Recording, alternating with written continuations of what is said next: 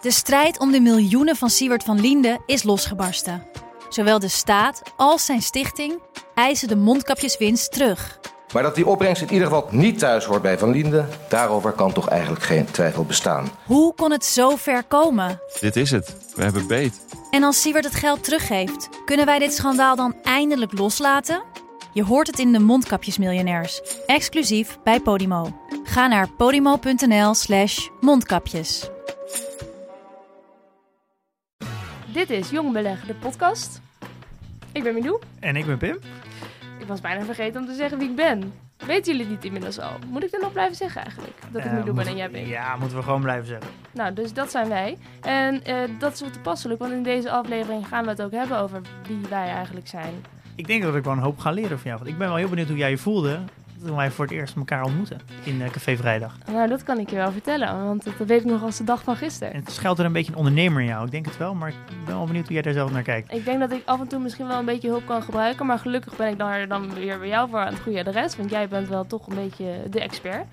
En ik hoorde dat jij eh, een, sportverleden hebt. Je bent misschien wel bijna een professioneel voetballer geweest. Nou, nou, dat is wel heel overdreven. Oké. Eh, Nou, maar- ik vind het toch indrukwekkend. Maar dat moet je dan maar even gewoon uitleggen. ja, kwartaalcijfers en ja, nog even een stukje over duurzaamheid en beleggen. En BlackRock. Ja. Laten we maar gewoon beginnen. Ja,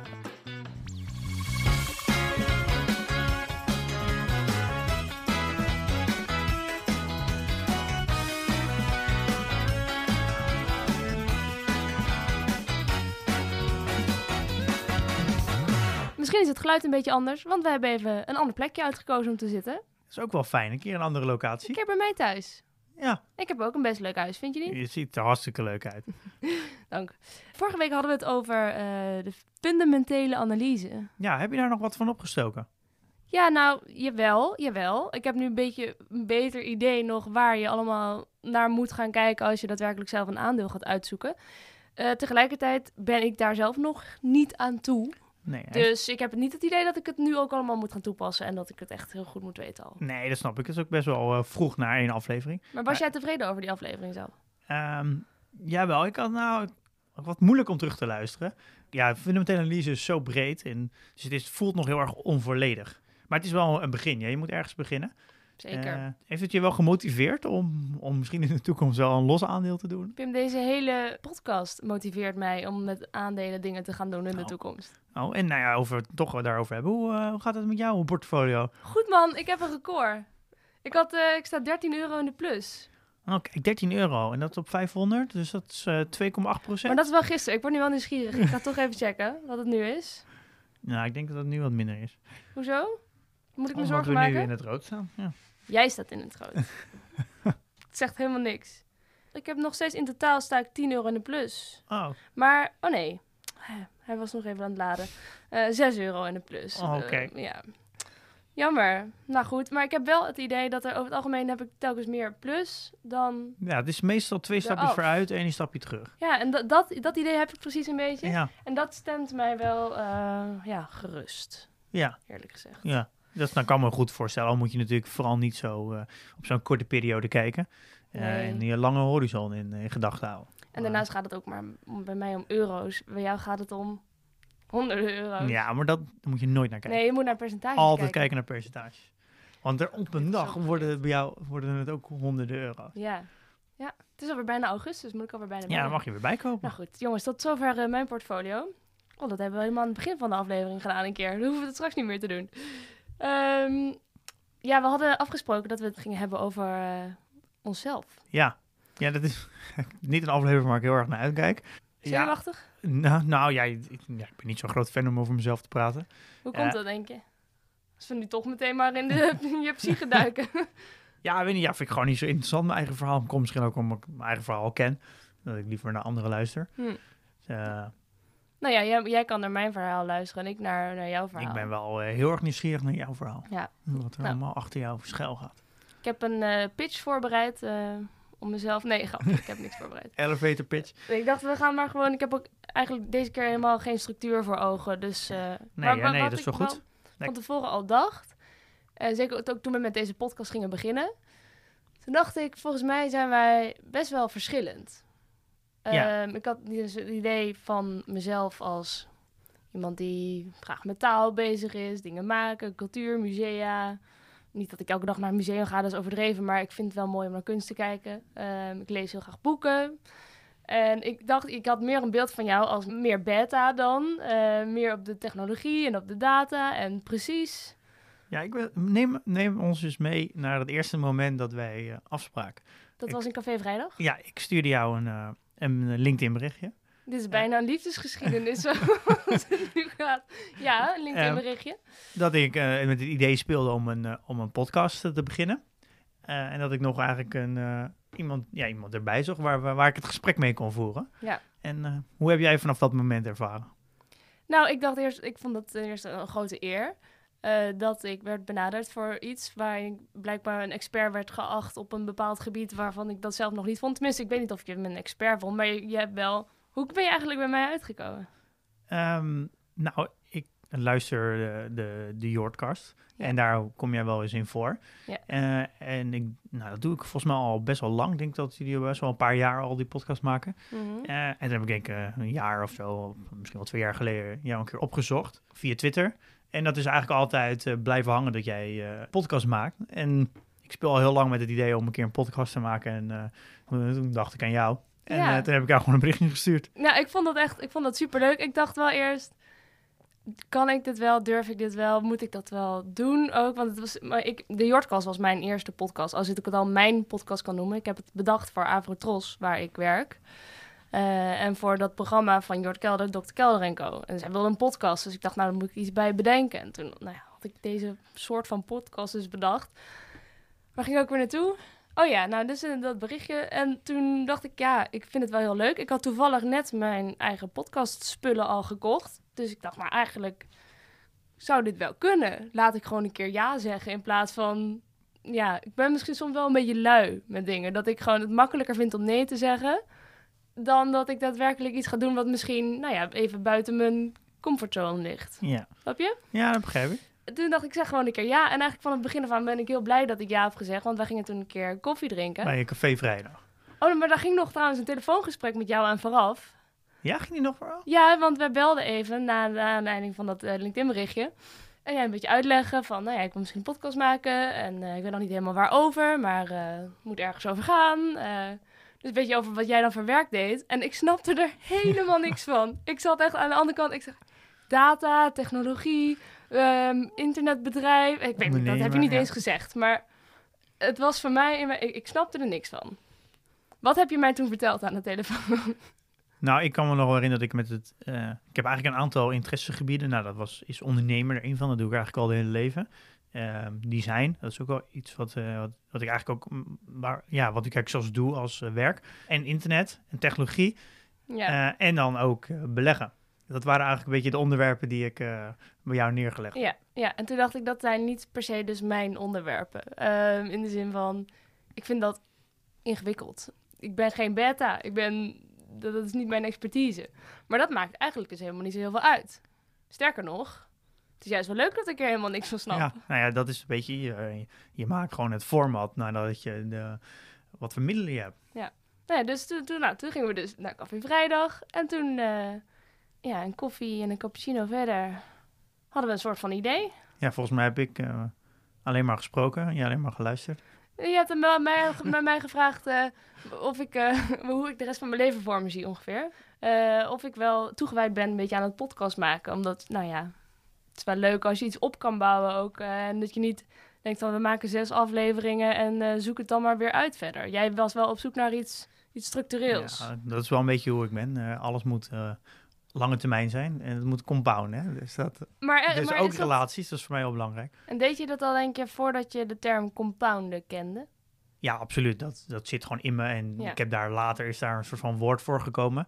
Eh compound is aan zich natuurlijk het, iets wat ik eigenlijk in mijn hele leven toepas. Dus ik denk dat alles succes wat gecreëerd wordt, wordt in de vorm van compounding gedaan. Of het nou relaties is of kennis. Ik vind het heel fijn dat als je langer met elkaar doorgaat, dan eh, maak je elkaar constant beter. En dingen gaan steeds efficiënter, steeds fijner.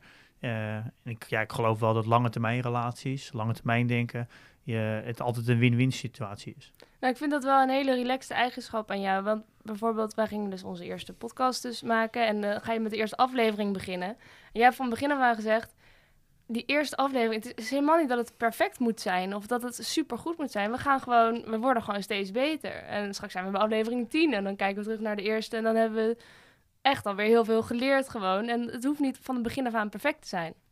Dat is ook, ik, ik heb dat een beetje anders. Bij mij moeten dingen wel eerder perfect Ja. zijn, denk ik. Ja, maar doordat je een instelling hebt dat alles op lange termijn is, dan maakt het begin niet uit. Want hoe verder we nu zijn, hoe relatief minder waarde de aflevering 1 heeft. Ja, Eh, maar je ziet, ja, ik denk als wij nu aflevering 1 gaan terugluisteren, dat wij ja, ons een beetje schamen voor, onze, voor aflevering 1. Ja. Het wordt makkelijker. Ik kan me nog herinneren dat ik eh, eh, de eerste keer aflevering 1 terugluisterde, dat ik, eh, dat ik heel zenuwachtig was. En dat ik het eigenlijk afschuwelijk vond om naar mezelf te luisteren. ja want je bent eigenlijk best introvert, volgens Mijn- mij. Ja, ik, ik heb wel een beetje beide kanten, maar vanuit uh, denk nature ben ik wel introvert. Ik heb hem denk ik extrovert wat meer aangeleerd. Als je van jezelf moet, dan gaat het eigenlijk best wel goed. Wil je Ja, ja nee, nee dat, dat gaat prima. Ja. Ik- ik- maar het moet, moet niet te lang duren. Nee, want dan zuigt het energie. Ja, ik moet wel weer alleen zijn om, eh, om, om mezelf soort van op te laden. Ja, Als je het zou omschrijven, is dat denk ik heel erg eh, extroverte mensen laden hun batterij op als ze met groepen zijn, met mensen.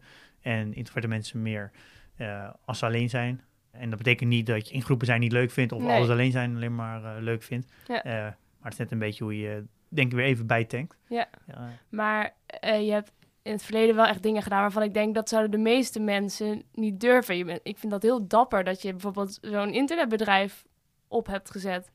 Maar wat, wat heb je eigenlijk... Je hebt daarvoor ook niet een studie afgemaakt zo. Je bent daar gewoon mee begonnen. Eh, ja, ik, nou, ik heb misschien allemaal helemaal terug. Ik ben eigenlijk begonnen met eh, ja, heel veel voetbal gedaan. Dus ik heb eh, best wel prestatievoetbal gedaan. En, Maar dat, even prestatievoetbal. nou, ik heb dat heel in hoge jeugdelftallen gespeeld. Eh, dus dan was het wel, daar speelde je eigenlijk wel echt, je leven was wel een beetje voetbal. Eh, ze eh, vier keer in de week. En ja, eigenlijk iedereen die daar die dan speelde was wel met het idee, ik, word, ik ga een poging wagen om hier mijn werk van te maken. Of in ieder geval, ik vind het zo leuk en ik behoor wel bij de, bij de betere in de jeugd. Maar dat is eigenlijk helemaal omgeslagen totdat ik een computer kreeg met internet. En toen kwam eigenlijk mijn tweede interesse erbij. En dat was, eh, was eh, internet. En dat was wel specifiek eh, websites maken. Wat sprak je daar dan zo aan? Nou, ik denk het creëren. Dat je vanuit, ja, eigenlijk vanuit niets iets kan maken. Eh, en dat je eigenlijk ja, je volledig jezelf erin kan leggen. Maar dat kan ook met een tekening maken. Ja, alleen denk ik dat het, het, eh, met, met een, het internet is zo schaalbaar. Dat als je één, één ding maakt, dat het eigenlijk oneindig keer vermenigvuldigd kan worden. Ja, bijvoorbeeld met Paint is het natuurlijk... eh, dan kun je duizend keer uitprinten en een tekening kun je maar één keer maken. Ja, nou ja, ik ben toen voor het eerst eh, Photoshop gaan leren. Dat is Photoshop 6 nog. Daar heb ik mijn eigen website gedesigned. En Ja. ja, dan moet je hem ook bouwen. Dus ik moet ook mezelf leren websites bouwen. En eh, toen met de Zonnet verbinding nog. Dus je moest nog inbellen via ASL. Is dat dat geluidje weer? ja, ja. Ja, dat vond ik eigenlijk ja, zo machtig. Dat ik had ook een website teller erop. En dan zag ik dat er steeds meer mensen op mijn website kwamen. Eh, en die gingen dan berichtjes achterlaten van mensen die ik helemaal niet kende. Ja, dat vond ik zoiets machtigs. Dat je, dat je eigenlijk gewoon de hele wereld kan bereiken. Ja, het spreekt een beetje tot de verbeelding. En dat was het moment dat ik, eh, dat ik voor het eerst een advertentie verkocht voor 5 euro eh, voor een maand lang. En ik weet nog wel dat ik, dat ik toen dacht, nou, dit, dit gaat mijn werk worden. Ik kan geld verdienen met het internet. Toen ben ik ook naar mijn ouders toegelopen. Ik zei, eh, ik heb geld verdiend met het internet. Hoe oud was je toen? Dat was in 2004. Dus toen was ik 14. Dat heeft voor mij wel een hoop veranderd. En vanaf dat moment ben ik daar steeds meer eh, in gaan doen. Eh, heel veel websites gemaakt, heel veel internetprojecten gedaan voor mezelf. Nog toen de tijd met die spellings-websites en ringtones. Hoeveel uur per dag bracht jij, denk je, achter je scherm door? Eh nou ja, ik voetbalde toen ook nog gewoon. Ja. Dus ik voetbalde nog vier keer in de week. Ja, dus dat waren vooral alle uurtjes die ik over had. Ja. Maar als je ergens interesse in hebt en je vindt het leuk, dan maakt tijd ook niet uit. En dan pak je eigenlijk elk moment dat je hebt, pak je dat. En dan kom je, omdat je het leuk vindt, kom je ook tot rust. Dus dan is het eh, net als een hobby. Eh, het is ook niet zo dat je na een hobby moet rusten. Ja, dat is eigenlijk best wel doorgegaan. Dat ik eh, op mijn 18 dan een bedrijf ben begonnen. Ben ik ook veel voor lokale ondernemers gaan werken. Dus veel kleine, kleine bedrijven. En ik merkte dat ik steeds meer... Ze kwamen nou naar mij voor internet. Maar ja, internet gaat natuurlijk ook steeds meer over, over ondernemen. Dus hoe ga je jezelf presenteren? Wat presenteer je dan? Hoe verwoord je jezelf? Hoe pitch je jezelf? En eh, hoe krijg je dus een stukje marketing ook en nieuwe klanten? Dus ik ging steeds meer op de stoel zitten van de ondernemer. ja Eh, je een werkt vanzelf eigenlijk. ja, op een gegeven moment was, merkte ik dat ik gewoon alle bedrijven eigenlijk een beetje meer aan het coachen was en meer aan het helpen was over gewoon ondernemen aan zich. Toen dacht ik, ja, dit is, eh, ik moet wel verder. Eh, toen ben ik ook naar Amsterdam verhuisd, eh, daar ook eh, gaan studeren en een nieuw bedrijf in, eh, in Amsterdam begonnen. Wat ben je gaan studeren dan? Eh, het heet eh, CMD, dus, eh, Communication eh, en Multimedia Design. Vooral een designopleiding, maar Ja. er zit ook een stukje technologie in. Ja. Dus het gaat vooral over eh, het maken van eh, online uitingen eigenlijk. En niet afgerond.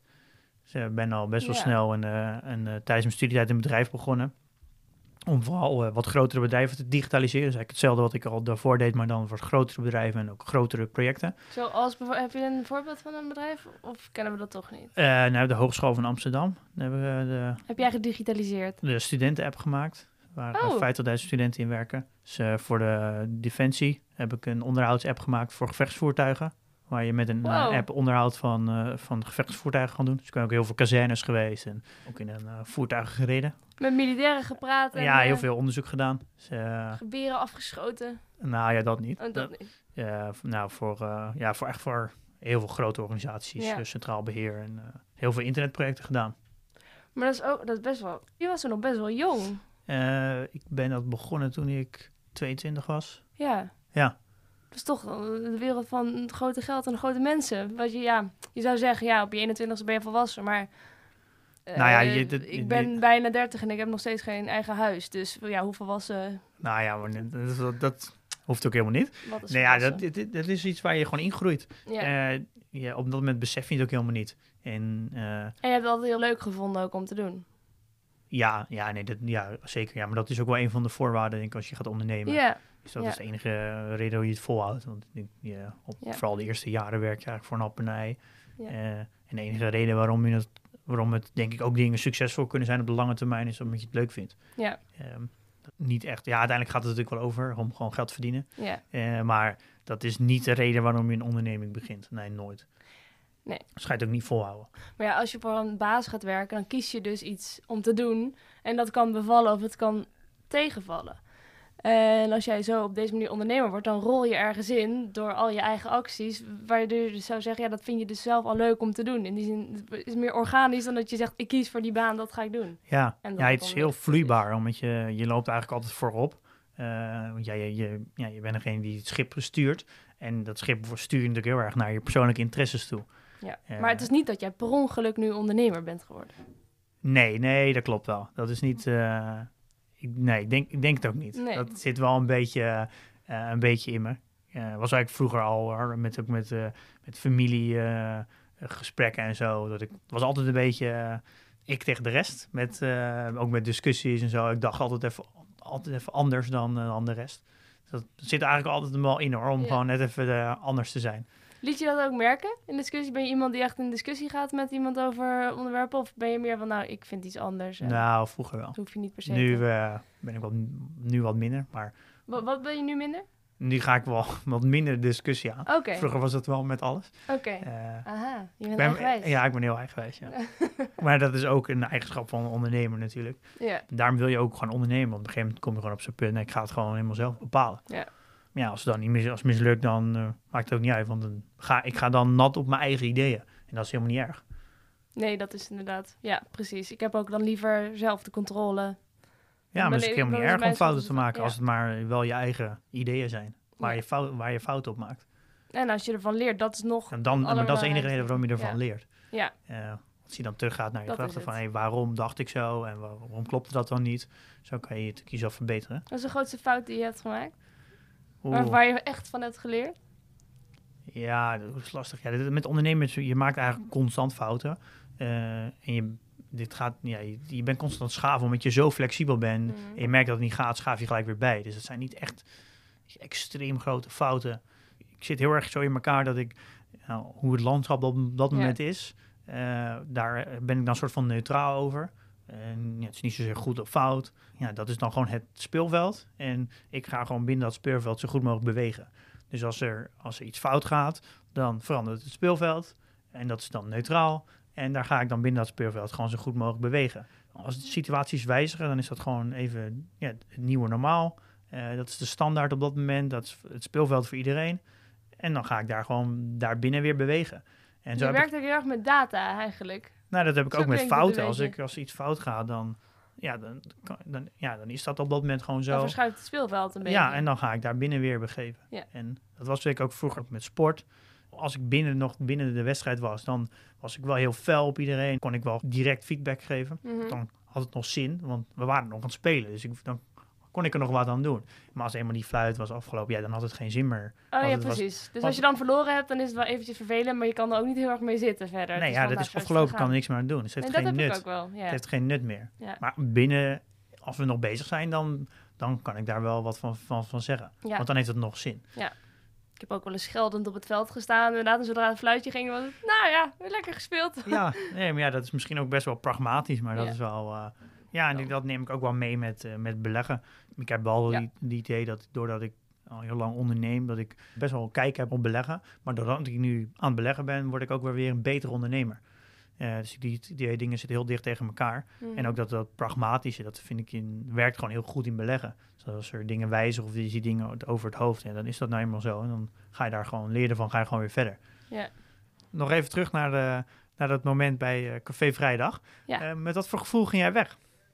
Nou, ik dacht eh, op dat moment lijkt me eigenlijk echt wel leuk om te doen. En ik dacht, ik wil eigenlijk ook echt doorgaan met de podcast maken. Ik had toch al die spullen gekocht. Nou, dat doe je ook niet omdat je even drie afleveringen wil maken en dat je er dan helemaal klaar mee bent.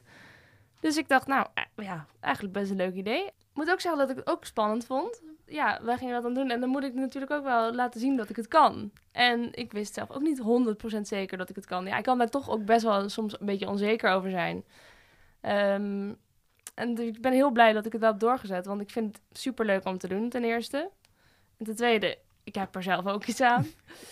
en ja, ik, en ik ben nu zelf ook gewoon een beetje, zelf een beetje ondernemer. Ik, vind het, ik heb nu dus eh, mijn bedrijfje, Pippi Fred Productions and Recordings. Dat is vernoemd naar mijn kat, Pippi Fred. Ik heb nog één, dat is Billy. Sorry Billy, jij krijgt eh, iets anders zal ik naar, naar jou vernoemen. Ehm, nee, maar dus ik ben heel blij dat ik het gedaan heb en dat we nou ja, hier nu zitten. En ik hoop dat het ook misschien nog wel een beetje interessant blijft voor luisteraars om zoveel over ons te horen. Maar ik vind het wel leuk eigenlijk om je zo een beetje beter te leren kennen ook. Ja, ja dat is Ja. best wel gek gegaan. Hè? Wij zien elkaar dan elke week. Maar dat is dan klaarzitten, podcast opnemen en weer weggaan. Ja, Ja, we leren elkaar natuurlijk onder, onderweg wel een beetje kennen. maar het gaat vooral over geld. Het gaat vooral over geld, ja. En over beleggen, ja. Maar Dus- ze zeggen ook het leven draait om geld, hè? Of hoe kijk jij daar? Hoe kijk jij daarnaar? Vind je, draait het leven om geld? Eh, nee, nee, absoluut niet. Nee. Nee. Maar je zegt wel, het, het nut van geld voor jou is wel dat het je vrijheid geeft. Ja, maar dat is het, het, het- ja, geld heeft een nut omdat wij, in, omdat wij allemaal zeggen dat het een nut heeft. Eh, en daardoor is het belangrijk geworden. Ja. Eh, maar eh, ja, als ik op een, op een eilandje zou wonen, dan heeft het geld helemaal geen nut meer. Want dan, ja, als ik daar gewoon mijn fruit uit de boom trek en, en samen met, een- met een aantal mensen gewoon elke dag kan eten, dan, dan, heeft, dan heeft geld helemaal geen waarde meer. nee. Eh, maar ja, wij hebben met z'n allen besloten dat, dat geld het middel is waar wij mee, eh, eh, mee dingen ruilen. Ja, dus we geven het zelf waarde. Maar dan Ja. is het alsnog voor de een belangrijker dan voor de ander. Ja, maar dat, ik denk dat dat voor iedereen belangrijk is. En iemand die zegt dat het niet belangrijk is, en ik wil niet zeggen dat die liegt, maar dan, dat klopt niet. Want ja, je hebt toch een dak boven je hoofd nodig. Ja, die kan je niet betalen met kippen. Uiteindelijk heeft iedereen een, paar, een persoonlijke ja, een soort van levensbehoefte, een lifestyle die hij graag wil hebben. En dat vraagt om een bepaald bedrag. Eh, En ik denk dat daar, dat is heel belangrijk, dat je dat in balans kan houden. Dat, eh, dat bepaalt denk ik ook heel groot deel je eigen geluk. Ja. Als je een hele dure lifestyle hebt en daar word je pas gelukkig van, dan heb je ook meer geld nodig. Ja. Dan kan je je lifestyle erg verlagen en heb je minder nodig. En dan is het ook wel makkelijker om jezelf gelukkig te maken, denk ik. Ja. Ik heb wel het idee dat dat iets is waar ik dus zelf eigenlijk heel weinig controle op heb. Ik doe echt maar wat. Ik geef soms best wel wat uit. En op het volgende moment probeer ik echt weer een beetje zuinig te doen. Maar er zit totaal geen strategie Nee, of structuur Maar ik denk dat heel veel mensen daar ook helemaal niet mee bezig zijn. Heel veel mensen hebben die keuze ook helemaal niet. Nee. Eh, omdat je, als je ergens werkt, dan heb je gewoon een salaris. Ja, je leeft vaak binnen eh, die middelen. Dus als je, Ja. eh, nou ja, zeg 2000 euro verdient per maand netto, dan zal je misschien 20, 10% eh, Eh, En de rest wat je overhoudt, dat geef je uit. En daar, dat bepaalt eigenlijk je, le- je levensstijl. Ja, In welk huis je woont, welke auto je rijdt, waar je op vakantie gaat. ja, Dus, eh, er zijn heel weinig mensen die daar bewust mee omgaan. En het geeft ook wel een vorm voor luxe als je daar bewust mee kan omgaan. Kijk, als ondernemer is dat anders. Onder, dan kan je veel meer bepalen hoeveel je wil verdienen. Niet dat je oneindig veel kan verdienen, maar je kan het helemaal zelf kan bepalen. Ja, omdat tijd en geld gewoon dichter aan elkaar verbonden zijn. Ja. Eh, dus je, kan, je hebt daar wat meer controle op.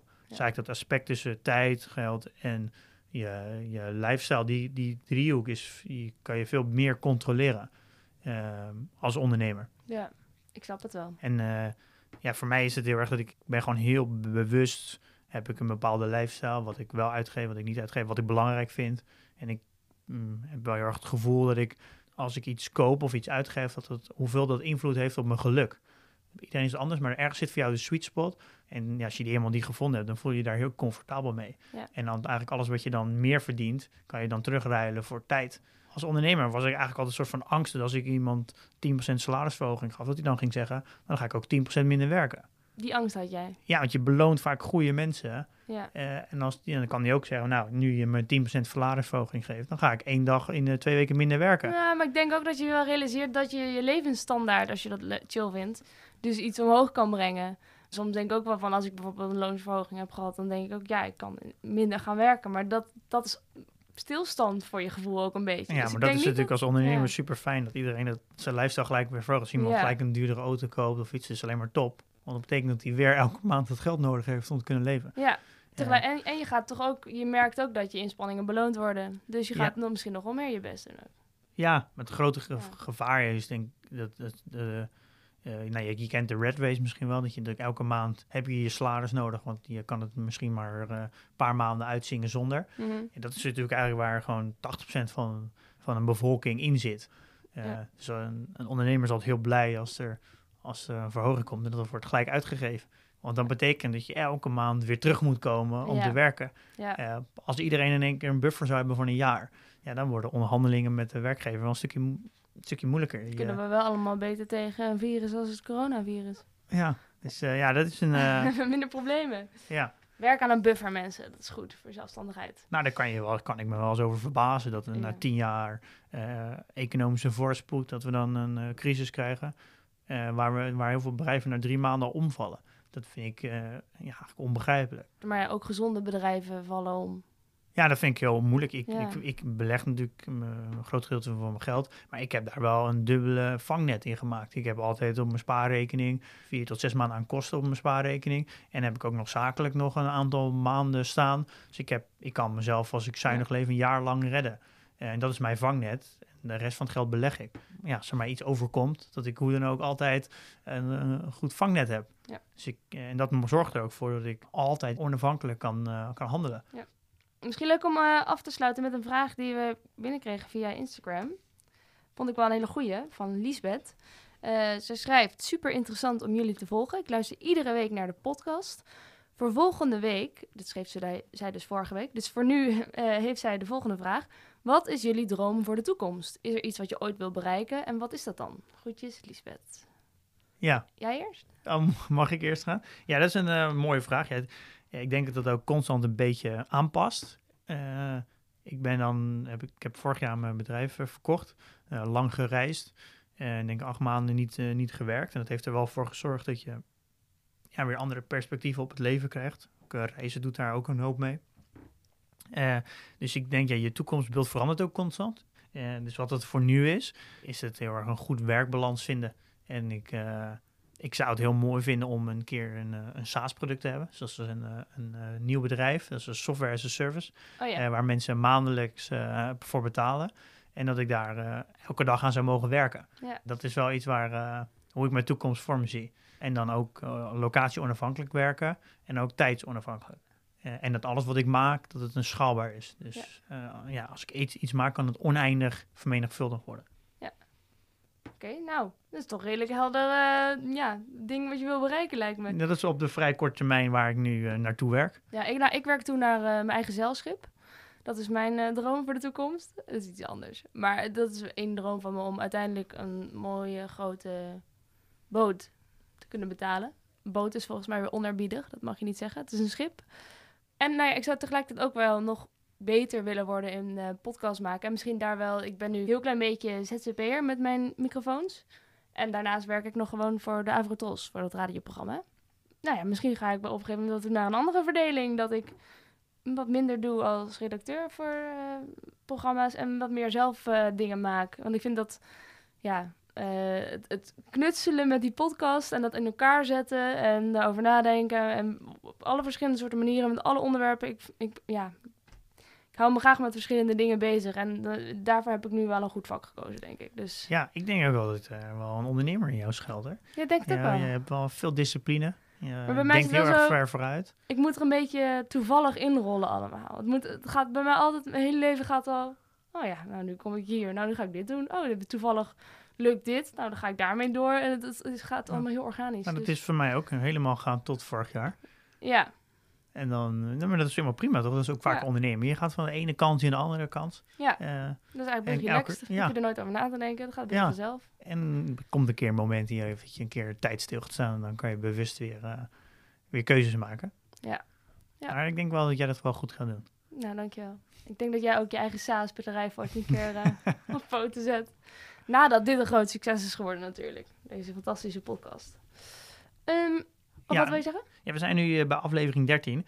En nou, je, of we zijn nu aflevering 14 aan het opnemen. Ja. Ehm, wat vind je eigenlijk nu van het, eh, eh, van het resultaat en van de, de, de cijfers? Is dat iets wat je van tevoren had verwacht? De cijfers zijn de luisteraarscijfers. Ja, ook gewoon. En de reactie, wat het mensen tewe wat het nou, teweeg het, het brengt. heeft mij echt positief verrast in elk opzicht dat er zoveel mensen reageren en zoveel enthousiaste dingen sturen. Iemand had ook gestuurd dat het een lichtpuntje was in zijn, eh, in zijn week. De donderdag was een lichtpuntje in de week. Ja. Dat was Niels, geloof ik. Eh, die positieve reacties die geven echt energie. Tegelijkertijd kan ik me niet voorstellen dat er niks kut is. Ik wil ook eigenlijk helemaal niet horen dat er iets slecht is. Maar ik kan me niet voorstellen dat... Ja, dat is heel moeilijk te oordelen over jezelf. Grappig is dat iemand in de familie het doorgestuurd aan eh, weer een achterneefje.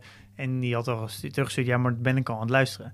Dus dat is ook, Echt? ook wel grappig om te horen. Dat er dus, Ja. er luisteren natuurlijk best wel wat mensen. En je weet helemaal niet wie het zijn. En dat, wij nemen het samen op, vaak in de woonkamer. Ja, Je hebt eigenlijk helemaal geen idee dat er mensen meeluisteren. nee. Eh, en soms krijg je ook wel eens reacties van, ja, je hebt dit gezegd in aflevering 3. En dan denk ik, ja, dat kan ik me eigenlijk helemaal niet meer herinneren. Ja, Eh, iemand stuurde mij het- vandaag... eh, ik vind Pepsi Max ook lekkerder. En toen dacht ik...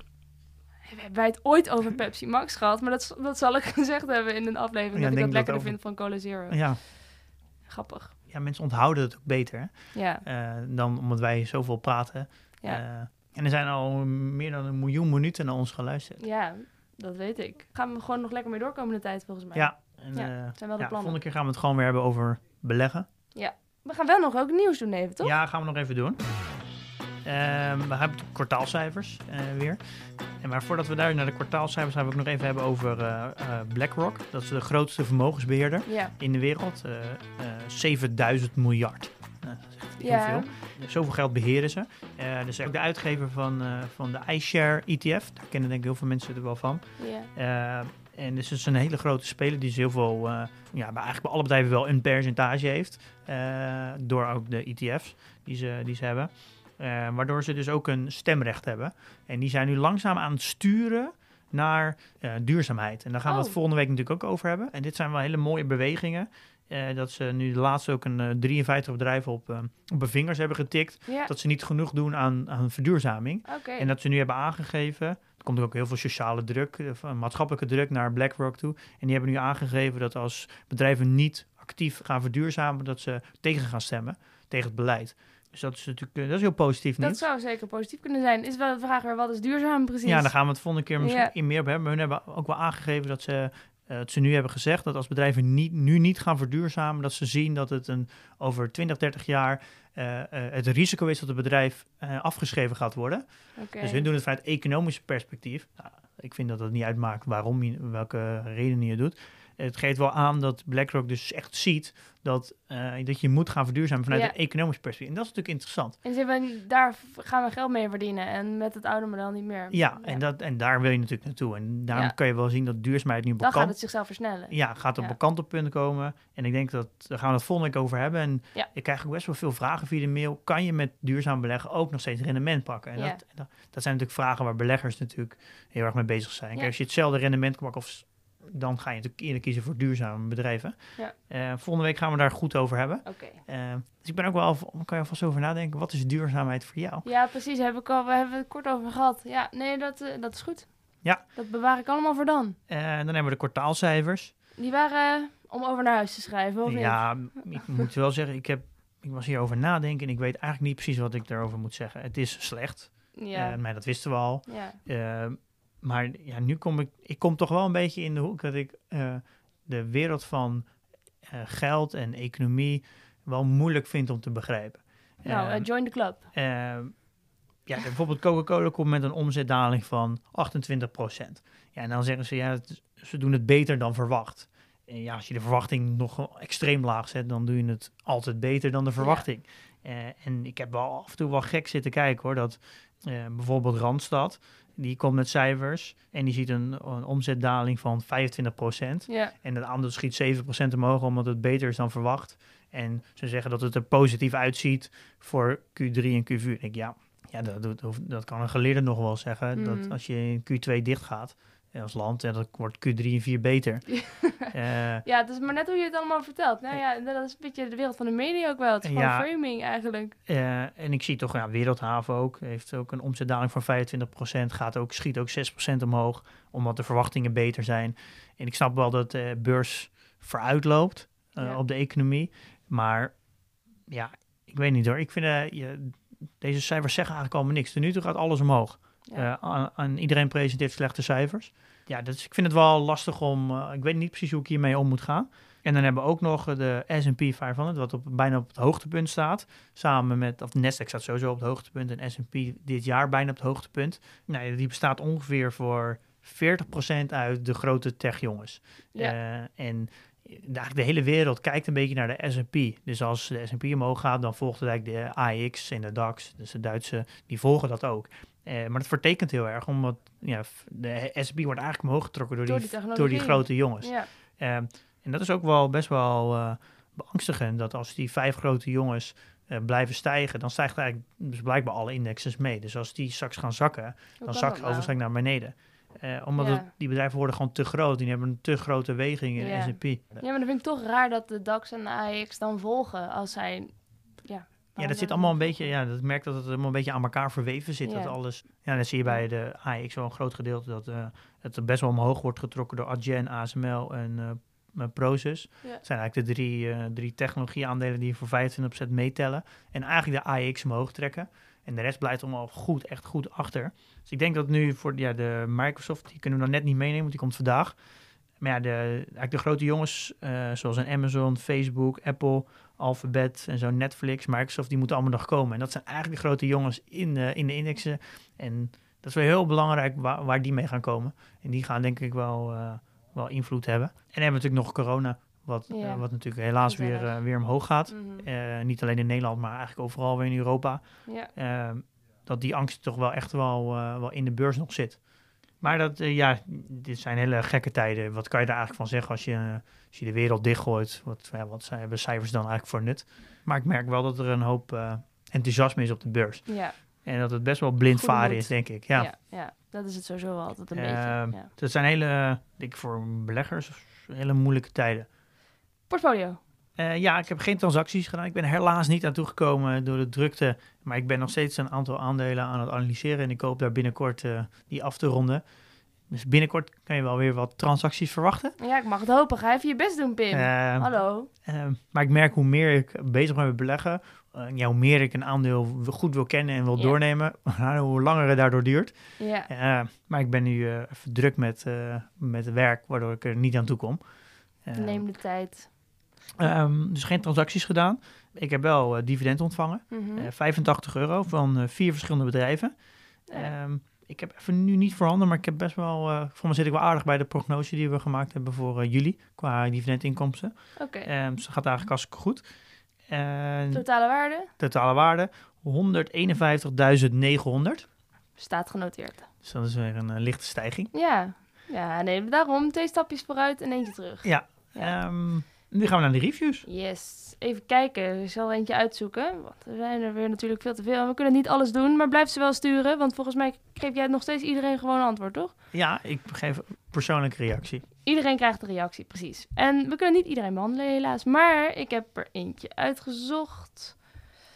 Leuke, interessante en leerzame podcast. Ook de kwaliteit, het geluid en jullie aangename stemmen, dankjewel, mogen niet onopgemerkt blijven. Hoe lang willen jullie doorgaan met deze podcast en komt er een YouTube-kanaal? Ja. Ja? Ja, nou, oh nou, Oh. dat weet ik niet. Nou, ik heb de laatste tijd best wel veel vragen of, eh, of we een, eh, een cursus hebben, een videocursus. Of dat we een e-book hebben. Eh, of dat we een dag organiseren waar iedereen bij elkaar komt. Zodat we een groep van gelijkgestemden kunnen creëren. Heb zelfs gevraagd of we een live uitzending willen maken waar mensen eh, dan eh, aanwezig kunnen zijn. Eh, dus eigenlijk alles komt langs. Ehm, ja, we hebben er eigenlijk helemaal nog niet over gehad. Over eh, wat we allemaal nog meer kunnen doen. Dus ja, wij gaan daar wel een keer, eh, een keer goed over hebben. Ja. Ehm, Ideeën zijn altijd welkom. ja, maar voor nu blijft het nog even gewoon bij de podcast. Ja. Ja, misschien is het wel leuk om, eh, als jullie nog ergens interesse in hebben of eh, dat ook graag willen zien, dan kun je dat altijd laten weten. En misschien eh, beïnvloedt dat onze, onze besluitvorming. Ja, zeker. Wij zijn heel beïnvloedbaar. Zeker al- als ik een glaasje wijn op heb. heb ik nu nog niet. Het is nog hartstikke vroeg. Ja, maar dit zouden we eigenlijk met wijn doen. Maar ja, we zitten eh, weer 's ochtends op te nemen. Dat Ja. werkt niet. Het gaat eigenlijk helemaal fout, hè? Wanneer krijg ik nou een keer een borrel van je, Pim?